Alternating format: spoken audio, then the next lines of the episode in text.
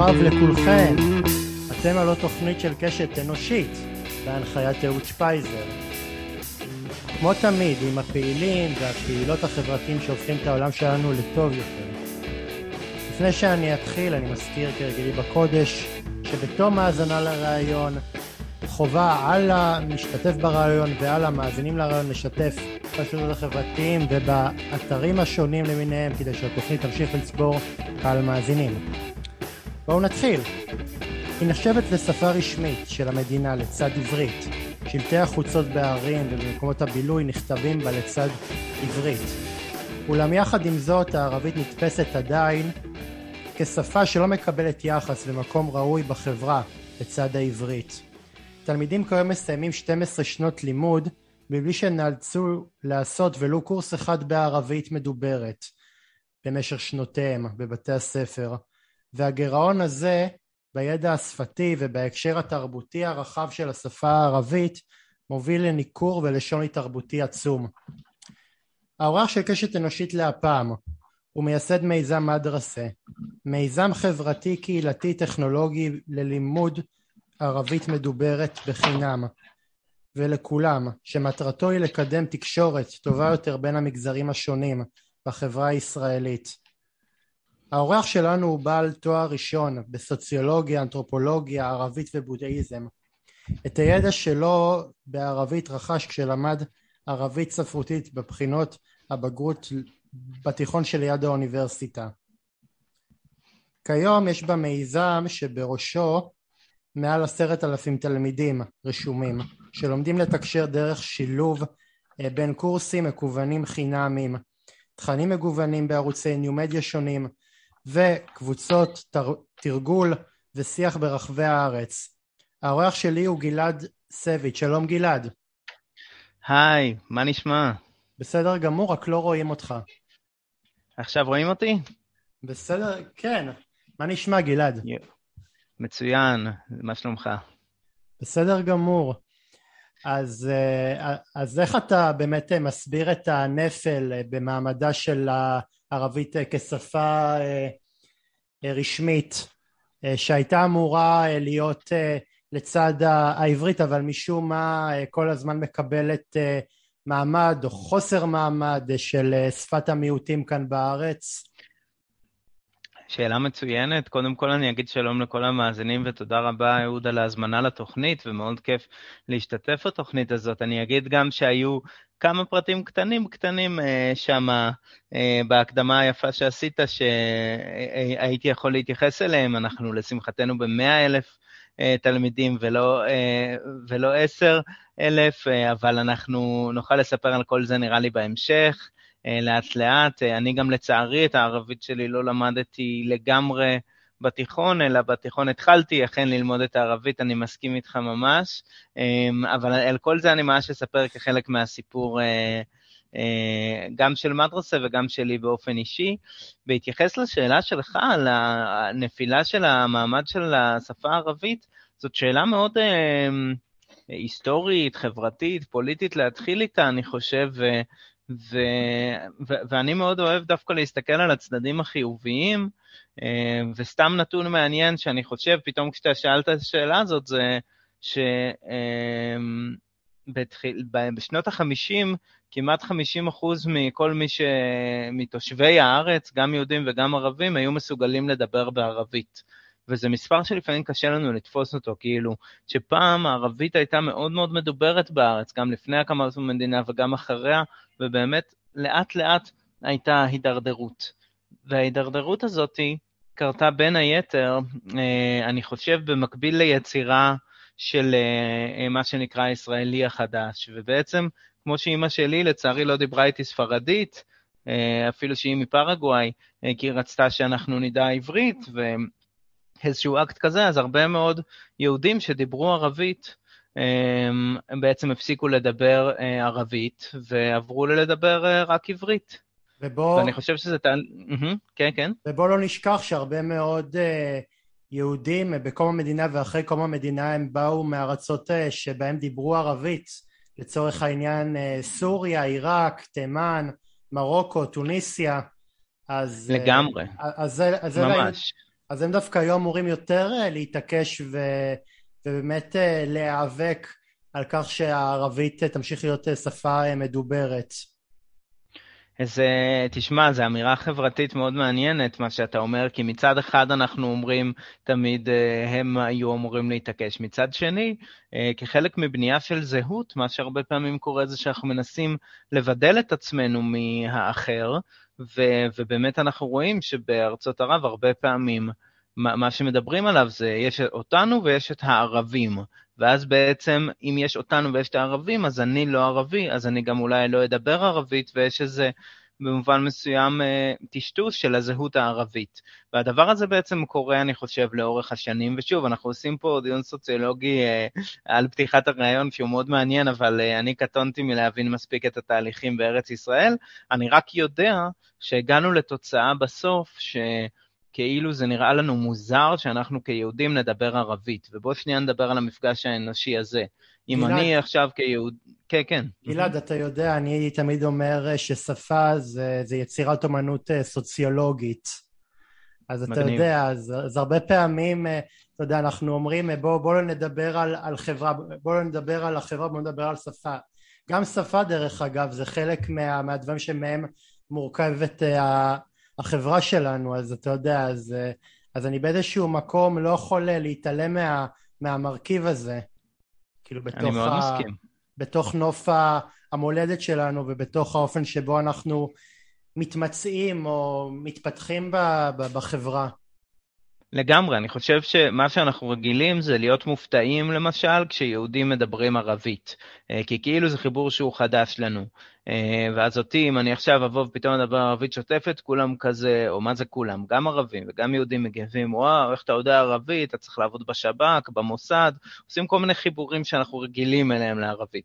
אז אנחנו מופתעים מזה שיהודים דוברים ערבית, אבל אנחנו לא מופתעים כמובן מזה שיהודים לא דוברים ערבית, למרות שכשחושבים על זה, אנחנו קבוצה של כמה מיליונים שחיים במזרח תיכון שלם, שאנחנו די לא כל כך יודעים מה קורה בו, בין היתר בגלל השפה, יש הרבה מאוד מנגנונים אחרים ש, שמפרידים, אבל אם היינו ממשיכים לדבר ו, אה, או לומדים את השפה אה, שבה כל המרחב הזה מתנהל, אז גם המפגש האנושי וגם המפגש החברתי והלאומי ובין הקבוצות היה פשוט נראה אחרת לגמרי. וזה הפוטנציאל שבעצם גלום בלמידת שפה, בין אם ברמה האישית, כשבן אדם אומר, יאללה, אני אלמד, ואז זה ממש משנה את עולמו, ואנחנו רואים את זה, ובין אם ברמה הלאומית. כן. אז, אה, אז גלעד, אני למעשה עוד אגע בשפה הערבית אה, בהמשך, אבל אני למעשה הייתי רוצה אה, גם, גם לדבר טיפה, טיפה עליך, הרי אתה יודע, זה לא רק נושאים ברומו של עולם, זה גם, זה גם על האנשים שנמצאים בלב הרום של העולם, אז אני, אז אני אתחיל לדבר קצת עליך. גלעד, איך בעצם החל הרומן שלך עם, ה, עם השפה הערבית?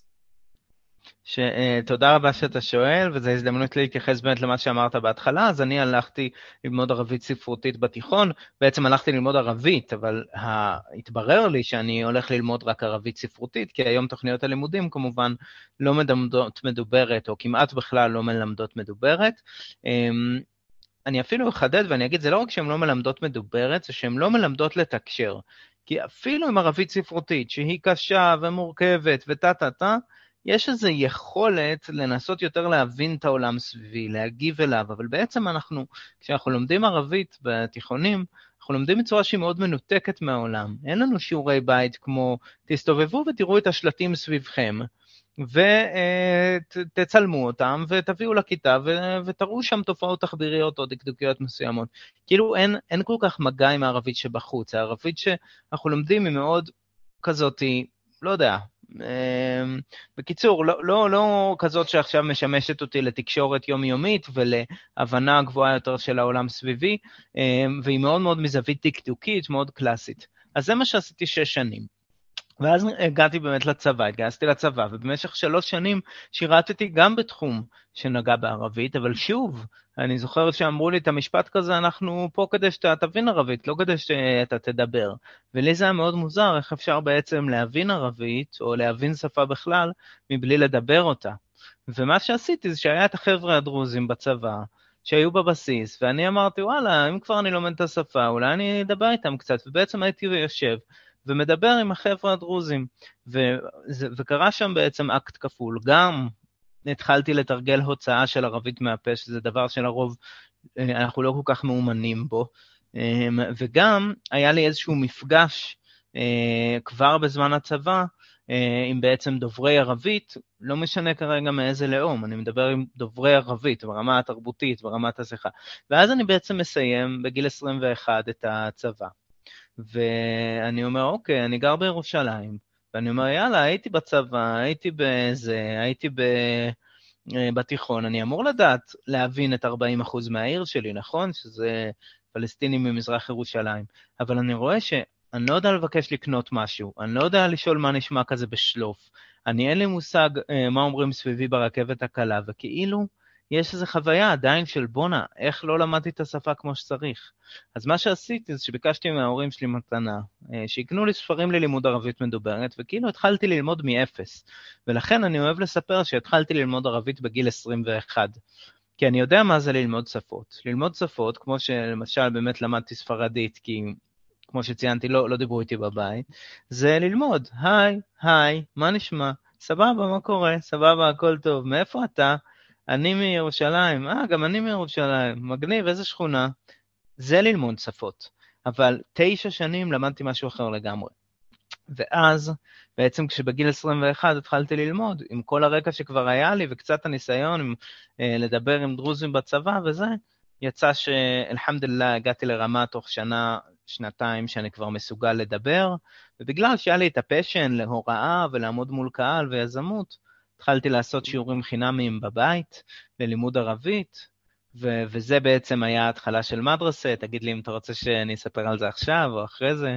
אני רק אה, רוצה להגיד אה, עוד, עוד מילה אה, ל, ל, לצופים. אני רוצה להגיד שהערבית הספרותית היא, היא באמת ערבית ברמה מאוד מאוד מאוד גבוהה של מיטיבי לכת ומביני עניין וכאלה שרוצים באמת להתערות בעולם הערבי, אבל בעוד הערבית המדוברת היא מאוד מאוד מאוד לא, לא קשה, היא אפילו דומה לעברית בתחומים מסוימים ואתה אפילו בלי הרבה קושי יכול, יכול לשמוע הקבלה בין, בין ערבית מדוברת לעברית. אז, אז באמת תוך, תוך חודש חודשיים של, של תרגול אתם תוכלו מלדבר ערבית של חולין באמת למצוא את עצמכם במצב שאתם מנהלים שיחה עם בן או בת הזוג שלכם לשיח אני מאוד מאוד מסכים, ואני חושב שהדמיון, הדמ... קודם כל הקושי של הערבית ספרותית שאתה מדגיש אותו הוא באמת מכשול שהרבה פעמים מפחיד אנשים מערבית, כי זו שפה, היא באמת מאוד עשירה ומאוד מורכבת ומאוד יפה ומאוד חשובה ו... ו... ו... אבל אתה אומר, בואנה, לשאול אה, סולח בר, מה העניינים? לא צריך ללמוד בשביל זה עכשיו גזרות וחוקים של ערבית ספרותית, רק לשאול, ללמוד לשאול מה העניינים. ולשאול מה העניינים, או תמיד אני מדבר על המילה תמ"ם. תמ"ם זה בסדר או טוב. ומצחיק אותי שרוב הישראלים לא יודעים מה זה בסדר או טוב בערבית מדוברת פלסטינית, זה כאילו, זה ערבית שמדוברת על ידי מיליונים שגרים איתנו ולידינו, וכאילו זה, זה כזה, זה המילה הכי בסיסית בערבית תמ"ם, אבל רוב אה, דוברי העברית שאני שואל אותם לא יודעים מה זה תמ"ם, פשוט לא יודעים.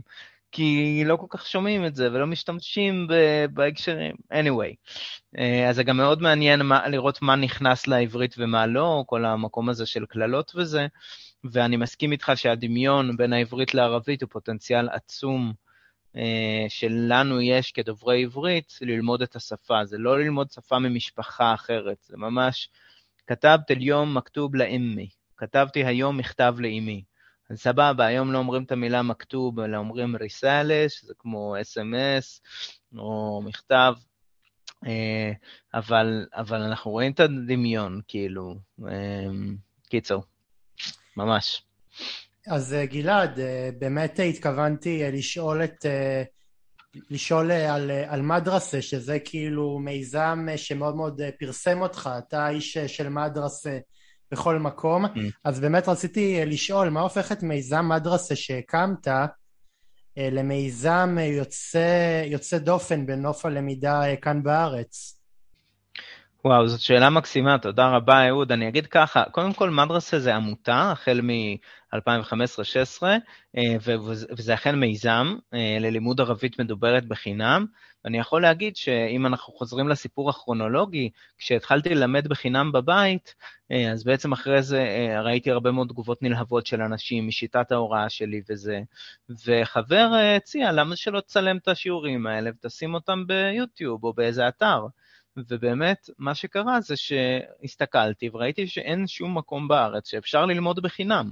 עכשיו אתה יכול להגיד, ברור, מה, שאנשים יעשו כסף, למה בחינם? אבל כאילו, ללמוד שפות בעולם זה דבר מה זה מקובל. אפשר ללמוד כל כך הרבה שפות בחינם. כאילו, אתה רוצה ללמוד ספרדית, יש לך מאות יוטיובים, אם לא אלפי. צרפתית, כאילו יש. עכשיו, השפה הערבית היא השפה החמישית הכי מדוברת בעולם. אז לנו, מהמבט הישראלי, כיהודים, זה נראה מוזר, איך אפשר ללמוד בעברית, ערבית מדוברת בחינם, זה, זה כאילו מוצר, אבל אמרתי, איך אין סרטונים שמלמדים ערבית? כאילו, יש כל כך הרבה ביקוש, כולם רוצים. אז אני חושב שכמענה לשאלה שלך, הדבר הראשון שמייחד את מדרסה שנייה, כזה ברמה ההיסטורית, זה שזה פשוט מונגש לכולם בחינם. אה, וזה דבר שהוא מאוד מיוחד. כל מי שרוצה ללמוד ערבית היום ויש לו חיבור לאינטרנט, יכול. כולם. אה, כן, אתה רוצה להגיב לפני שנמשיך? גם, גם, אני, גם אני חייב להגיד שכשאני ראיתי, ש, שכשאני מסתכל על מדרסה, אני חוזר איתך לש, כמה שנים אחורה, ל-2014-2015, השנה שבו בעצם אה, מדרסה התפרסמה. לא, המידע בערבית אה, באינטרנט, לפחות, אה, לפחות כשאני חיפשתי את זה, לא היה, לא היה נגיש. זה, זה כאילו, יכולת לחפש אה, מידע על למידת ערבית באנגלית, אבל זה לא היה רלוונטי בשום אופן או צורה לערבית המדוברת כאן בארץ, מה שגרם לי לתסכול מאוד מאוד מאוד גדול. וכשחיפשתי, נכון. וכשחיפשתי מידע בערבית, אה, הרבה פעמים אה, זה היו אה, מילונים, בדרך כלל גם לא עדכניים, הרבה פעמים, הרבה פעמים לימודים שהיית צריך לשלם עליהם, ואני חושב שלמידת שפה זה באמת מסוג הידע שאתה באמת צריך לעשות אותו נטו לחוויה ולא לראות את הפן, ה, את הפן העסקי והכלכלי, כי אתה יכול לעשות את זה גם עם עצמך, למידת השפה. כן, אני ממש מסכים. שוב, אין לי שום בעיה עם בתי ספר שמקימים uh, בית ספר ללימוד שפות, זה מקסים, זה אחלה. אם בן אדם לומד שפה למוטיבציה עסקית כזאת או אחרת, גם אחלה, למה לא? אבל אני אומר, חייב שיהיה משהו חינמי, חייב שיהיה, כאילו, זה, זה נראה לי קלאסי uh, ובסיסי. Um, אולי סתם, אני אוסיף עוד איזה אלמנט שכאילו מעבר לחינמיות, זה לא סתם שזה חינם, אבל וואלה, שיעורים מעפנים. בעצם אני חושב שמה שהיה מיוחד זה שבעצם ניסינו לתת איזשהו טון, וזה מתייחס למה שאתה אומר, טון קצת יותר צעיר, קליל, מהנה, מגניב לערבית, כי באמת הערבית הייתה כלואה אה, תרתי משמע אולי, באיזה הקשרים מאוד ביטחוניים, מיליטנטיים ואוריינטליסטיים. נגיד אתה מחפש ערבית מדוברת היום בגוגל, עכשיו אם זה לא מדרסה, כן, או לפחות ב-2014, מה תמצא? זה, יש הרבה כזה אה, משפטים על הקפה, משפטים על הגמל. עכשיו, לא יודע, יש לי הרבה חברים ערבים, הם בחיים שלהם לא ראו גמל, הם כאילו, המקום הזה עם הגמל, כאילו, אחלה שזה מוטיב יסוד בתרבות הערבית הקלאסית שמקורה בחצי האי ערב, אבל כאילו, אי אפשר, אי אפשר ללמד ככה שפה שלמה וללמד, אה, כאילו, לתקשר אם אנחנו תקועים בפתגמים מהמאה ה-12. ויש משהו נחמד בלהביא רגע פשוט את המדוברת. מה העניינים, מה קורה, כמה זה עולה, מאיפה אתה, נטיית הפועל בעבר, נטיית הפועל בהווה, כזה. לא אוהב, אני, לא אוהב שדר, אני לא אוהב שדרך הלימוד אתה מקבע סטריאוטיפים של, של, של ערבים, ולפעמים הסטריאוטיפ על ערבי הוא באיזשהו מקום, אתה יודע, פלאח, ו, ו, ו, ואני יודע מה, רועה צאן, וכל הדברים האלה. אני מאוד מאוד מאוד לא, לא אוהב את זה. אני לומד באוניברסיטת תל אביב. יש, יש תלמידים ערבים, סטודנטים ערבים, אה, מאוד מאוד מאוד מאוד מעורים בהוואי היומיומי ואני מתאר לעצמי שכשאתה תפתח את הנושא הזה ואתה, והם ישמעו איך, איך אנחנו רואים את, ה, את ההוואי הזה הם, הם מאוד מאוד מאוד אה, ירגישו נעלבים ו, ו, ופגועים לגמרי, אני ממש מסכים, זה חלק מהמבט האוריינטליסטי, ואני רוצה להגיד, אין שום דבר רע בפלאחים, אין שום דבר רע בקפה וגמל. הדבר הבעייתי הוא כשהדימוי הזה, כמו שאתה אומר, מתפשט לאנשים שכמו שאמרנו, לא מגיעים לאוניברסיטה עם גמל, כאילו, ו- וזה גם שוב מזכיר לנו את הזרות והניכור והבורות, אה, שכאילו אה, אנחנו, אנחנו מאוד מאוד נוכח, בוא נגיד, במבט הישראלי על אה, ערבים על המזרח התיכון, אבל אגב, לפעמים גם במבט של ערבים על עצמם, תמיד יש הפנמה של המבט הזה וזה. אני כן רוצה להגיד שאני באופן אישי מאמין שאנשים לא ממציאים דברים. כלומר, לא גדלנו ואמרנו, mm, מעניין, כנראה אה, כל הערבים הם כאלה פלאחים בכפר. כאילו, זה פשוט מוטיבים שחוזרים על עצמם. בסדרות, בסרטים, וכמו שאתה אומר, בחומרי לימוד. וברגע שאנחנו מצליחים להציע תוכנית לימוד שלא מתעסקת בדברים האלה, ופשוט מתעסקת בהוראת שפה, אה, וכן, יש דברים תרבותיים שחשוב להכיר, וכן, יש דברים תרבותיים יפים גם בתוך השפה שלא צריך להתעלם מהם, אה, אז, אז לגמרי יש פה אפשרות לתיקון של המבט הזה שהוא פשוט לא מדויק, ואז הוא לא מאפשר לנו להתנהל, כאילו לא מאפשר לקבל החלטות נכונות ברמה המדינית וברמה האישית וכו' וכו' וכו'. גלעד, זה מתקשר למה שאמרנו מקודם, אה, כשאתה מסתכל איזה אקלים ילדים נולדים, כשהנטייה הברורה היא להתחיל דווקא בהקניית השפה האנגלית ופחות מתעקשים על הקניית השפה הערבית, שזאת דווקא השפה המקומית כאן באזור, מה, מה זה עושה לך? אני מאושר שילדים לומדים אנגלית. כאילו, אני חושב שזו שפה מדהימה, והלוואי שהאנגלית שלי הייתה אפילו יותר טובה, ונראה לי שאחד מהדברים שחשוב זה בעצם לא לראות את זה כסתירה. כאילו להקשיב, לראות את האנגלית כשפה בינלאומית, צומחת, חשובה מאינטרנט ועד שת"פים ועסקים וצמיחה ו... ו... ו... סופר חשוב אנגלית, וזה נראה לי מאפשר לדבר עם כל אזרחי העולם, אבל פשוט הערבית היא, יש לה תפקיד אחר. אני יכול לעשות פגישה עסקית בערבית, אבל בתכלס, גם כשאני עושה פגישה עסקית בעברית, חצי מהשפה שלי היא אנגלית, כי אני מדבר על, uh, לא יודע מה, return on investment וכל מיני מושגים כאלה באנגלית uh, שמתאימים לעולם העסקים, ואין לי דוגמאות עכשיו, אבל מספיק ללכת חמש דקות בתל אביב ולשמוע חצי אנגלית, חצי עברית. אז אני אומר ש...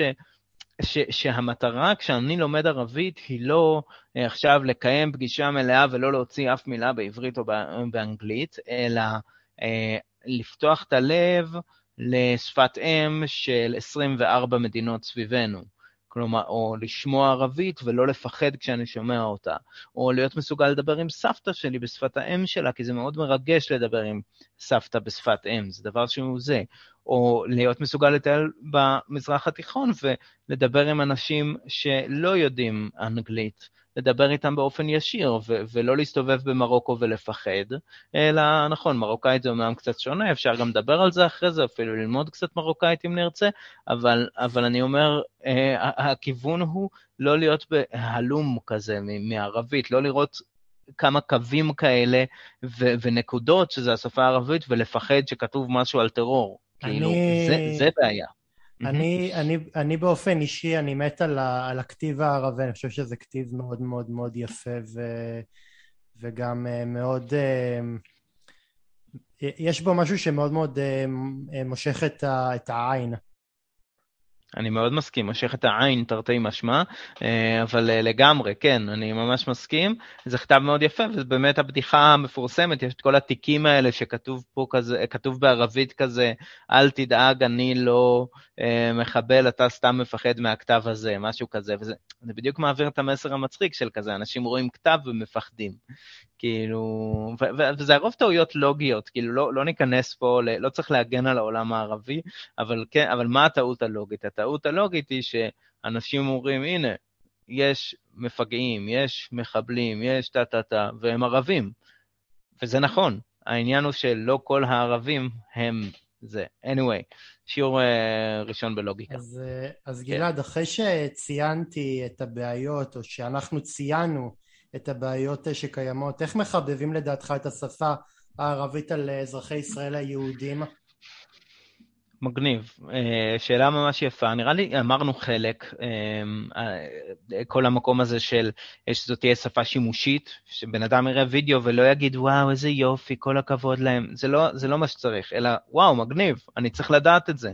או בואנה, איזה מגניב שיש את זה בשפה. אז מלמדים דברים שהם שימושיים, שהם מגניבים, עושים את זה קל. כלומר, אם מלמדים בתעתיק, זה לא כדי להגיד כתב ערבי זה לא חשוב. למי שלא יודע, תעתיק זה... אה, כתיבת עברית באותיות, כתיבת ערבית באותיות עבריות. בקיצור, אה, כשמלמדים בתעתיק זה במטרה להנגיש, שיהיה קל, להכניס אלמנטים יומיומיים, להביא סרטונים מהאינסטגרם ולהביא אה, פוסטים מהפייסבוק ולהביא דברים שהם מראים את החיות של השפה הערבית, אבל בעיקר לא לעשות שום דבר בכוח. אין מטרה להחביב כאילו ב... כדי שכולם יעופו על ערבית. מי שרוצה, אהלה וסהלה, הוא מוזמן. מי שלא, זה גם בסדר, המיל... אבל, אבל, כן. להגיד, להגיד, אה, להגיד אה, להחביב, וליד המשפט להחביב להגיד אה, בכפייה, זה... זה דבר והיפוכו, אתה לא יכול לחבב בדיוק. על, על, על בן אדם משהו, משהו אם אתה כופה אותו עליו. אהבתי, אהבתי, לגמרי לגמרי, ממש. זה דבר והיפוכו, אני, אני, סליחה שאני אה, יורד איתך לדקויות האלה, פשוט לדעתי אה, אה, האמת חייבת להיאמר, אי אפשר אה, לחב, לחבב לאנשים משהו בכוח, גם אם, גם אם אתה תחשוב שאנגלית זאת שפה מדהימה ו- ויפה, אם אתה תאלץ מישהו ללמוד, ללמוד אנגלית, אה, הוא, הוא, הוא ידע אותה, אבל, אבל הוא לא יאהב אותה, כי, הוא, כי, כי זאת שפה שנכפתה עליו, נכ, נכפה עליו לדעת אותה. אני מאוד מסכים. אני חושב שגם לחבר, כאילו, וזה בדיוק ההפך מכפייה, לחבר ל, למקום שבו בן אדם רוצה ללמוד עוד, או שזה מגניב אותו להכיר משהו מתוך כאילו עניין אמיתי, זה מאוד חשוב. סתם, ניתן את הדוגמה, כולם מכירים את המילה קובה. ואנחנו לא אומרים קובה עם אה, בית דגושה, אלא קובה, אנחנו אומרים, אבל זה בעצם קובה. ואיפה אני רואה את הבית פעמיים? במילה קובבה. אני לא יודע אם כולם אה, מכירים את המילה קובבה, אבל בירושלים היינו מכינים קובבות כאלה מחול, כאילו, מין כאלה... איך, איך אומרים קובבה? אה, זה כאילו קובה, עם פשוט אה, בית שהיא כאילו, יש עליה דגש, כאילו. קובה. ככה. בדיוק, קובה, בדיוק כמו שאמרת. יש גם מקומות שבהם אומרים קיבה. בדיוק, אז זה, זה, כל התנועות מאוד משתנות בערבית, אבל, אבל יפה לראות שהמילה קובבה, שזה קובה זה, זה, זה בעצם צורת הקטנה של המילה קובה, זה כמו קובה קטן. וזה, וזה כל מיני דברים נחמדים כאלה שאתה כזה, וואי, אף פעם לא ידעתי את זה, ודברים שמחברים לדברים שאנחנו מכירים ביום-יום. זה מאוד נחמד. כן. אה, אז אה, גלעד, אה, באמת איזה יתרון יכולה להקנות השפה העברית עבור אזרחי המדינה היהודים? וואו, איזה יתרון. קודם כל, והכי חשוב, זה ברמה האישית. אם אני עולה לאוטובוס ואני שומע ערבית ואני מפחד, אז זה אומר שאני סוחב איתי איזשהו טראומה, איזשהו פחד, בין אם הוא פחד לאומי, בין אם הוא משהו אישי שקרה לי וזה. והיכולת להבין ולא להיות בוואו, מה אומרים שם, או אפילו יותר, מה אומרים עליי, אלא פשוט להבין זה, זה מאוד מאוד מנקה, באמת, זה מנקה הרבה מאוד. וזה מאוד נעים, זה קורה כשאני רואה ערבית, זה קורה כשאני שומע ערבית, אז זה ברמה האישית. וזה גם ברמה הפסיבית, כאילו רק שמושמע ערבית לידי, או היא נכתבת. אבל אחרי זה לבוא ולהיות מסוגל להשתמש בזה, זה כבר מייצר קשר אנושי הרבה הרבה הרבה יותר נעים. לבוא ולהיות מסוגל אה, סתם, לא יודע מה, אה, לפגוש במסעדה מישהו ולשאול, אני יכול לשלם במזומן? אמ, ואתה שואל את זה בערבית, ו... ואז זה לא סתם, אה, יופי, עכשיו המלצר יבין אותי. המלצר גם מבין בעברית ובאנגלית. העניין פה הוא לא אינסטרומנטלי, הוא לא שאני צריך את זה כדי, uh, כדי לדבר, אלא שאם אני אומר את זה בערבית, פתאום, אה, יפה, אתה מדבר ערבית? וואלה, מגניב, גם אני, טה-טה-טה, איזה יופי. ופתאום נהיה חיבור ממש נחמד. אז בעצם יש איזה משהו בצד הזה, שכשאנחנו עושים מאמץ ולומדים אה, ערבית ומנסים לדבר בערבית, גם אם זה קשה, שהוא נתפס מאוד מאוד חיובי, כל עוד זה בא מהמוטיבציות הטובות כמובן. אז זה ברמה האישית, אה, ליצור חברויות, לעבוד ביחד, להכיר אנשים, יותר ברמה אישית, זה מתאפשר דרך השפה הערבית וזה מדהים. אחרי זה, יש כבר את ההזדמנויות היותר, נקרא להן, עסקיות, או פוטנציאל לעשות עבודה משותפת עם מדינות ו- ועם גורמים פה באזור. בקיצור, כבר הזדמנויות שהן טיפה יותר חשיבות, נקרא להן, ברמה החברתית-לאומית, למשל, כל המקום של תעסוקה. הרבה מאוד ערבים קשה להם למצוא תעסוקה בשוק הישראלי. האם זה בגלל שהם לא מוכשרים? לא. זה בגלל שבראיון עבודה, כשאתה מדבר בשפה שהיא לא שפת האם שלך, אז מה שיכול להיות משודר מזה, זה לא כל היכולות שלך. נגיד, לי יהיה הרבה יותר קל לעשות ראיון בעברית מאשר באנגלית, ואם אני אעשה ראיון באנגלית, והאנגלית שלי היא לא מושלמת, אז יכול להיות שלא יקבלו אותי. ואני מבין מרואיינים ששומעים מישהו ואומרים, וואלה, אני לא יודע אם הוא יוכל לעשות את העבודה כמו שצריך, אם אני לא מצליח להבין 100% בריאיון. אבל בעצם היכולת לקיים ראיון בערבית, שכן, אולי זה קצת קשה, אבל מגיעים לרמה הזאת בסוף, מאפשרת לך לגייס עוד קבוצה עצומה של אנשים מתוך ה-22 אחוז, 22 אחוז מתוך האוכלוסייה בישראל, כן?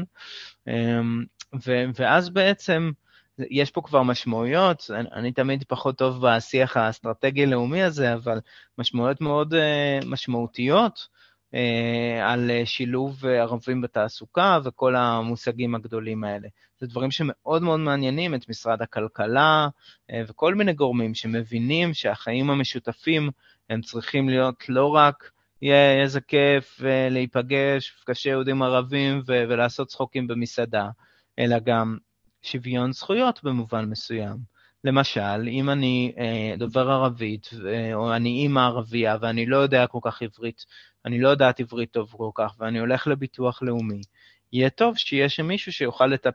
לקבל את הפניות שלי כשהוא דובר ערבית. ואני מאמין שיום אחד תהיה דרישה, אם אני רוצה לעבוד בעיריית ירושלים, אני צריך לדעת ערבית. אם אני רוצה לעבוד בביטוח לאומי, אני צריך לדעת ערבית. ומה שאז יקרה, זה שבעצם ידיעת ערבית היא תהיה לא רק מוטיבציה פנימית, שזה מגניב, זה נחמד, זה כיף, אלא היא תהיה מוטיב... יהיה מוטיבציות חיצוניות. כדי להתקבל לזה, אני צריך להיות דו-לשוני. ובמקום mm, להגיד ואז... ביטוח... ובמקום להגיד uh, ביטוח לאומי, אפשר יהיה להגיד תאמין אל, אל-וטני. נכון, תאמין אל-וטני, יפה תאמין מאוד. תאמין אל-וטני. לא, גלעד, אל תראה אותי ככה, אני, אני למדתי uh, ערבית. כולל אל-אחתרם, כל הכבוד. אמנם הערבית שלי אה, אינה משופשפת אה, כמו שלך, שוב, זה הכל אימון ו... ו... ו... ופניות, אה, אבל הכל כן. בסדר, אני... אני מתעסק בזה, אנשים אומרים לי, איך אתה מדבר ערבית כל כך טוב? אז אני אומר, אה, זה כי אני uh, מדבר ערבית. וזה באמת נכון, אני פשוט עובד בזה ומלמד את זה כן. ומפתח הכשרות מורים גם... לערבית. ו... ו... אני אגיד כן. לך אפילו יותר מזה, גלעד, הרבה אנשים חושבים שלמידת שפה זה רק, זה רק תרגול, קריאה, ו... קריאה וכתיבה. לא, הם טועים. ללמוד שפה זה גם, זה גם לדבר. אם אתה לא... אם למדת, אם למדת שפה, קראת, כתבת, אבל לא דיברת עם אה, בן אדם שדובר את השפה, לא עשית שום דבר. זה מאוד נכון, אני מסכים. Uh, גלעד, מלבד uh, למידה, האם uh, מיזם מדרסה, מדרסה או מדרסה?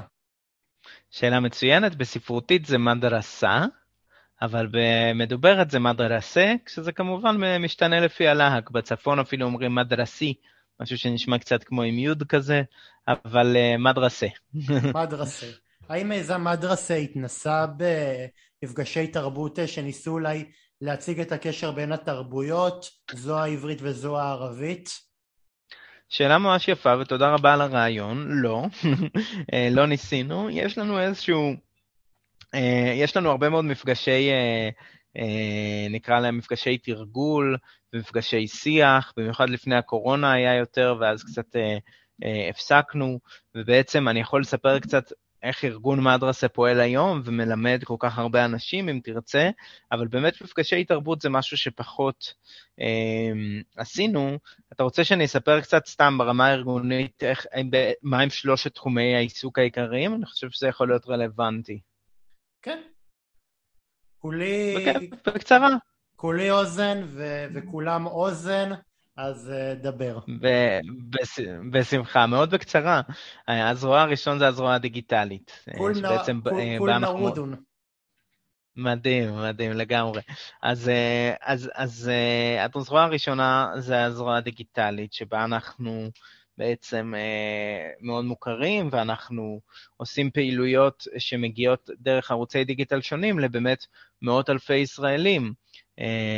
שם אנחנו מראים את הצד הבלתי נראה של הערבית, את הצד החיובי והשימושי והחשוב, ופשוט תוכן יומיומי בערבית, אמ, וגם מזמינים אנשים ללמוד בבית הספר שלנו. וזה הזרוע השנייה. הזרוע השנייה זה בית הספר המקוון, שבעצם אה, ארבעה קורסים מקוונים וספריית תכנים מאוד גדולה, ששם אה, יש 100 אלף תלמידים רשומים ועוד 100 שמצטרפים בממוצע כל יום. אני בטוח שאחרי התוכנית שלך אנחנו נקבל עוד אה, מאות שיצטרפו.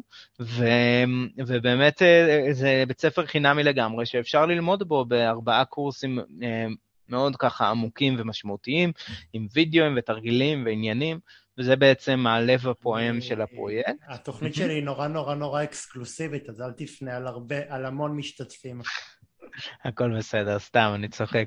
אמ, וזהו, ושם בבית הספר המקוון בעצם אה, הקהילה נפגשת גם בפייסבוק ובכל מיני מפגשים שאנחנו מקיימים וזה, אבל הזרוע השלישית היא כבר הזרוע שגם מאפשרת לנו לממן את כל מה שאנחנו עושים, וזה בעצם פעילויות שפה שונות. אה, אז זה בעצם שיתופי פעולה עם אקדמיה, עם הממשלה, אה, כדי שהדבר הזה לא יישאר רק אתר חינמי שלומדים ממנו, אלא באמת משהו ממוסד, לאומי, ש, שכבר אה, שת"פ עם התאחדות הסטודנטים ועם הסתדרות הרופאים בישראל ועם המשרד לשוויון חברתי ומשרד העבודה, ובעצם אה, עם חברות הייטק ועם כל מיני קהילות וארגונים ברחבי הארץ שלוקחות על עצמם את המשימה של ללמוד ערבית ויוצרות קבוצות שונות, מאלפי עובדים ועד אה, עשרות עובדים, כאילו תלוי בגודל הקבוצה, שנכנסת לתהליך משותף של למידה. אז זה ככה שלוש התחומים. מפגשי תרבות זה, זה משהו שאינשאללה גם נעשה, אנחנו נכנסים קצת לסיורים אינשאללה בתקופה הקרובה, אה, בשנה הקרובה, אז הולך להיות מאוד נחמד. כן. אה, גלעד, הדמיון בין אה, ערבית ועברית הוא, הוא עצום, ועושה רושם שבשנה האחרונה יותר ישראלים מגלים את זה ולומדים ערבית כטרנד.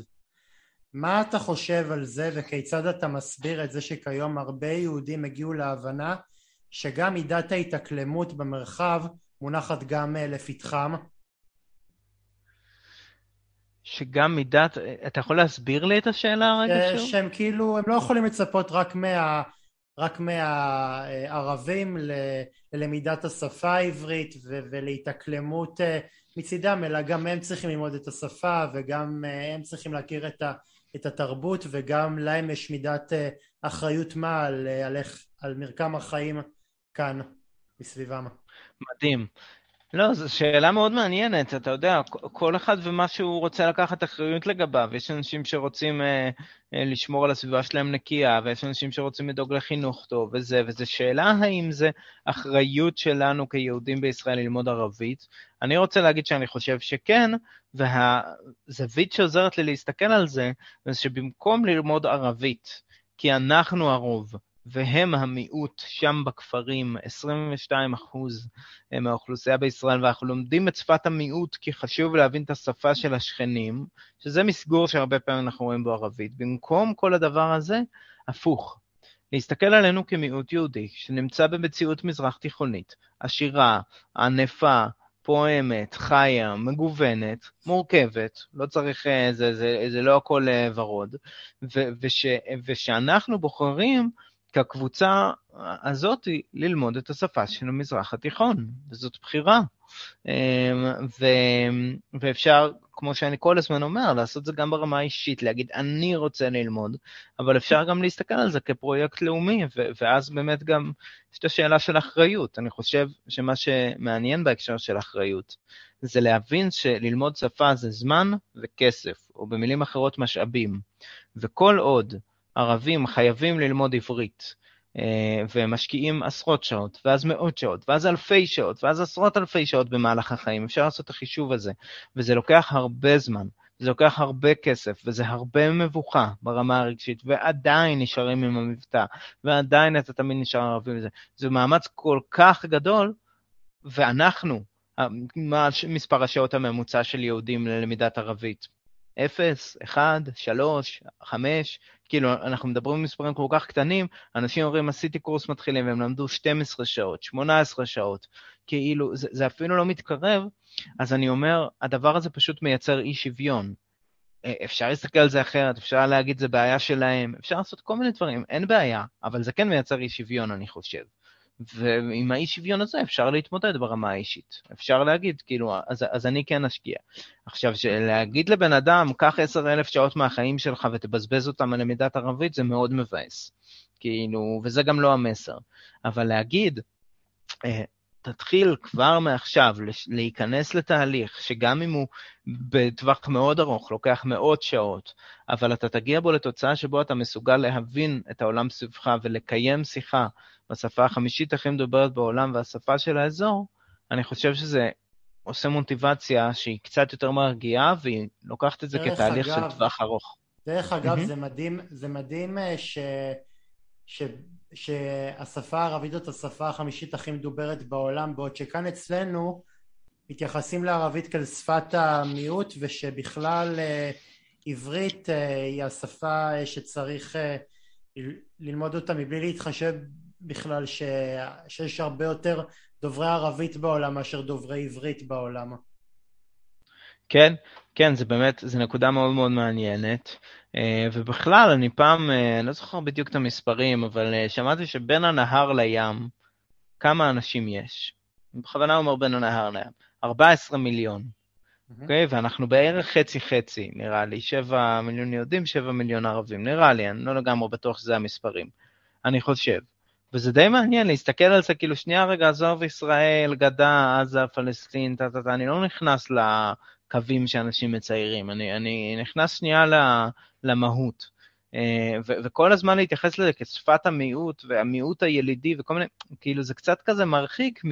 רגע, אנחנו חצי חצי במרחב הזה, ועוד 24 מדינות סביבנו דוברות ערבית, חיות בערבית, מתנהלות בערבית, שהרבה מאיתנו באנו אה, מהמדינות האלה, אז כאילו זה קצת, זה פשוט קצת מפספס איזה רעיון להסתכל על זה כשפת המיעוט. כן. כן. גלעד, השפה הערבית היא שפה באמת אה, עשירה, מלאה בפנינים, ושפה ש... שאבן חלדון דיבר בה, הנביא מוחמד דיבר בה, אה, סלאח א-דין דיבר בה, אה, באמת... הרמב"ם דיבר בה. כן. Mm-hmm. והרבה הוגי, הוגי דעות מדהימים ו- ומקסימים שנראה לי שקצת אה, נשכחו אה, ב- בעידן שבו אנחנו נמצאים, שבאמת אנחנו צרכנים כבדים של תרבות אה, מערבית, אז זה באמת... אה, אה, היא שפה עשירה שיש לה הרבה ניבים שונים, שחלקם שונים מאוד זה מזה. מאיפה היית ממליץ אה, לאנשים שרק עכשיו מתחילים ללמוד את השפה אה, להתחיל? וואו, שאלה יפה. אמ, זאת שאלה מאוד רחבה, כי היא נוגעת בשני דברים. אחד זה המלצה ל... מאיפה להתחיל, ויש איזשהו בית ספר חינמי שלומדים בו 100 אלף ישראלים, שכולם מוזמנים להיכנס אליו, ואני הייתי מתחיל משם, שזה מדרסה, ובמדרסה אה, אפשר ללמוד אה, מסלול מאוד ארוך אה, של, של ערבית, ואני ממש, פשוט, הדלת פתוחה, כמו שאומרים בערבית, אל בב מפתוח ולאהווה על נאר.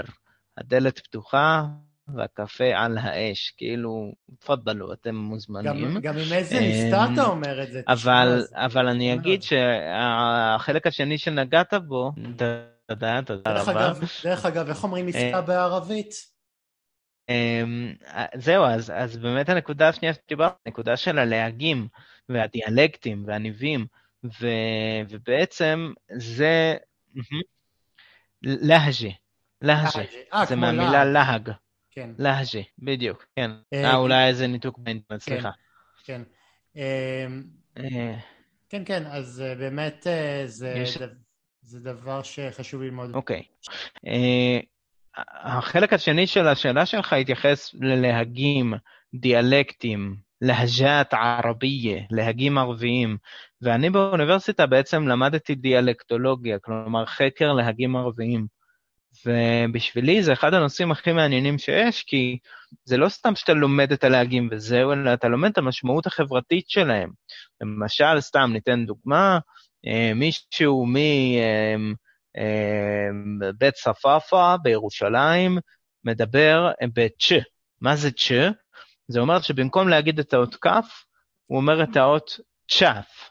ואז במקום לשאול מישהי כיף חלק, מה שלומך, הוא יגיד צ'יף חלץ'. במקום כיף חלק, צ'יף חלץ'. ומזה למשל אנחנו מכירים את המילה צ'יזבט, שזה בעצם, בעצם קיזבט, קיזבט זה כזבים, אז במקום להגיד קיזבט הוא יגיד צ'יזבט. וזה מגניב, אבל מה שעוד יותר מגניב, שכשהוא יגיע לאוניברסיטה והוא ידבר עם הפרופסור שלו, אה, הוא לא ירצה להגיד לו אה, צ'יפ חלק, כן? כי זה, זה דבר שהוא לא אה, כל כך מכובד להג... לדבר בצ'ה, אז פתאום ישנה את זה. ו- וזה בעצם המשמעות של הלהגים החברתיים, שאני חושב שהיא מאוד מעניינת. או המשמעות של הלהגים, המשמעות החברתית של הלהגים, שהיא מאוד מעניינת. דרך אגב, אני מפנה אותך לסרטון ביוטיוב, אפרופו להגים, נגיד, נגיד ב, ב, ב, רק בשפה הערבית יש הרבה מאוד מיל, אה, מילים, להגיד בהם את המילה מאוד. נגיד כתיר, ביזף, אווי. מקסים, מקסים. לגמרי, לגמרי מסכים איתך. אה, אה, גלעד, לקראת סיום, בוא נסיים עם קצת תרבות. לאיזה מקורות תרבות היית מפנה את ציבור התלמידים לערבית שרוצים ללמוד את השפה מתוך עולם התרבות של שכנינו? מגניב. אז הייתי, זו שאלה מצוינת, תראה, יש כל כך הרבה חומרים, אפשר למצוא את חלקם בספריית התכנים של מדרסה, אבל זה עולם שלם ורחב, אה, יש כל כך הרבה סדרות יוטיוב מצחיקות ומגניבות ו- והכול, אבל יש מקום אחד שמראה דווקא את החיים של ערביי ישראל, אה, וזה ערוץ מכאן, בעצם הערוץ של תאגיד השיגדור כאן, רק בערבית, מכאן. יש לו עוד זרוע נחמדה שנקראת כאן ערב. אה, אבל אני חושב שמכאן זה מקום מעולה אה, להתחיל ממנו ופשוט לראות אה, ערבית עם תרגום לעברית. רשמתי לפנינו את ההמלצות, צופים יקרים תרשמו גם אתם. גלעד, לסיום, האם אתה מעריך שבהמשך המגמה הזאת של מידת השפה הערבית תגדל? כן, אני מעריך שהיא תגדל, אני חושב שזה נעשה ממקום שמבין שאנחנו כל כך הרבה אנשים שונים בתוך מדינת ישראל שרוצים ללמוד ערבית וממוטיבציות שונות, וזה בסדר. חלק רוצים את זה לעסקים, חלק רוצים לא לפחד כשהם שומעים ערבית, חלק רוצים כדי לדבר עם חברים שלהם, הכל בסדר. מה שחשוב זה שאנחנו נבין את החשיבות ואת הפוטנציאל ואת האחריות, ובעצם ניכנס לתהליך של למידה. שהוא גם, כל הזמן אני אומר, גם אישי וגם לאומי, ושלאט לאט תגדל פה חברה שבה כשרואים יהודי מדבר ערבית, כמו שקרה לאורך מאוד שנים בהיסטוריה, זה פשוט לא יהיה מוזר, זה הכל. לא משהו מורכב מזה. כן. גלעד, אני רוצה לסיים את, ה, את התוכנית שלנו עם ציטוט מתוך שיר של אחד הפזמונאים האהובים עליי בשפה העברית, אהוד מנור, והוא אומר ככה. אם ים זה ים, ו- ואם, ואם uh, הראש זה ראש, ואם יום זה יום, אז למה אין שלום? מגניב. מאוד מאוד מאוד חמוד. כן. מאוד uh, מאוד חמוד. כן. ואני, uh, ואני, uh, uh, ואני אחרוק uh, ממנהגי ואני אפרד uh, מצופינו בשפה הערבית. לחד אל-און אל-ברנמיג' البرنامج كس الشخصي مع אהוד שפייזר וגלעד סוויט. סתם, סתם, לא, אני אדבר ב- בעברית. אם אתם, רוצים, אם אתם רוצים ליצור איתי קשר בשפה, ב... אם אתם רוצים ליצור איתי קשר כדי להשתתף בתוכנית קשת אנושית, אתם מוזמנים ליצור איתי קשר דרך הטלפון 050-353-1729 וגם ניתן ליצור איתי טל... אה, קשר דרך המייל שלי, אהוד שפיזר, שטרודלג'ימל נקודה קום, וגם אתם תקבלו במה אקסקלוסיבית כאן אצלי בתוכנית. תודה רבה לכם, תודה רבה לך גלעד שהתארחת אצלי, תודה רבה לכם. תודה לך.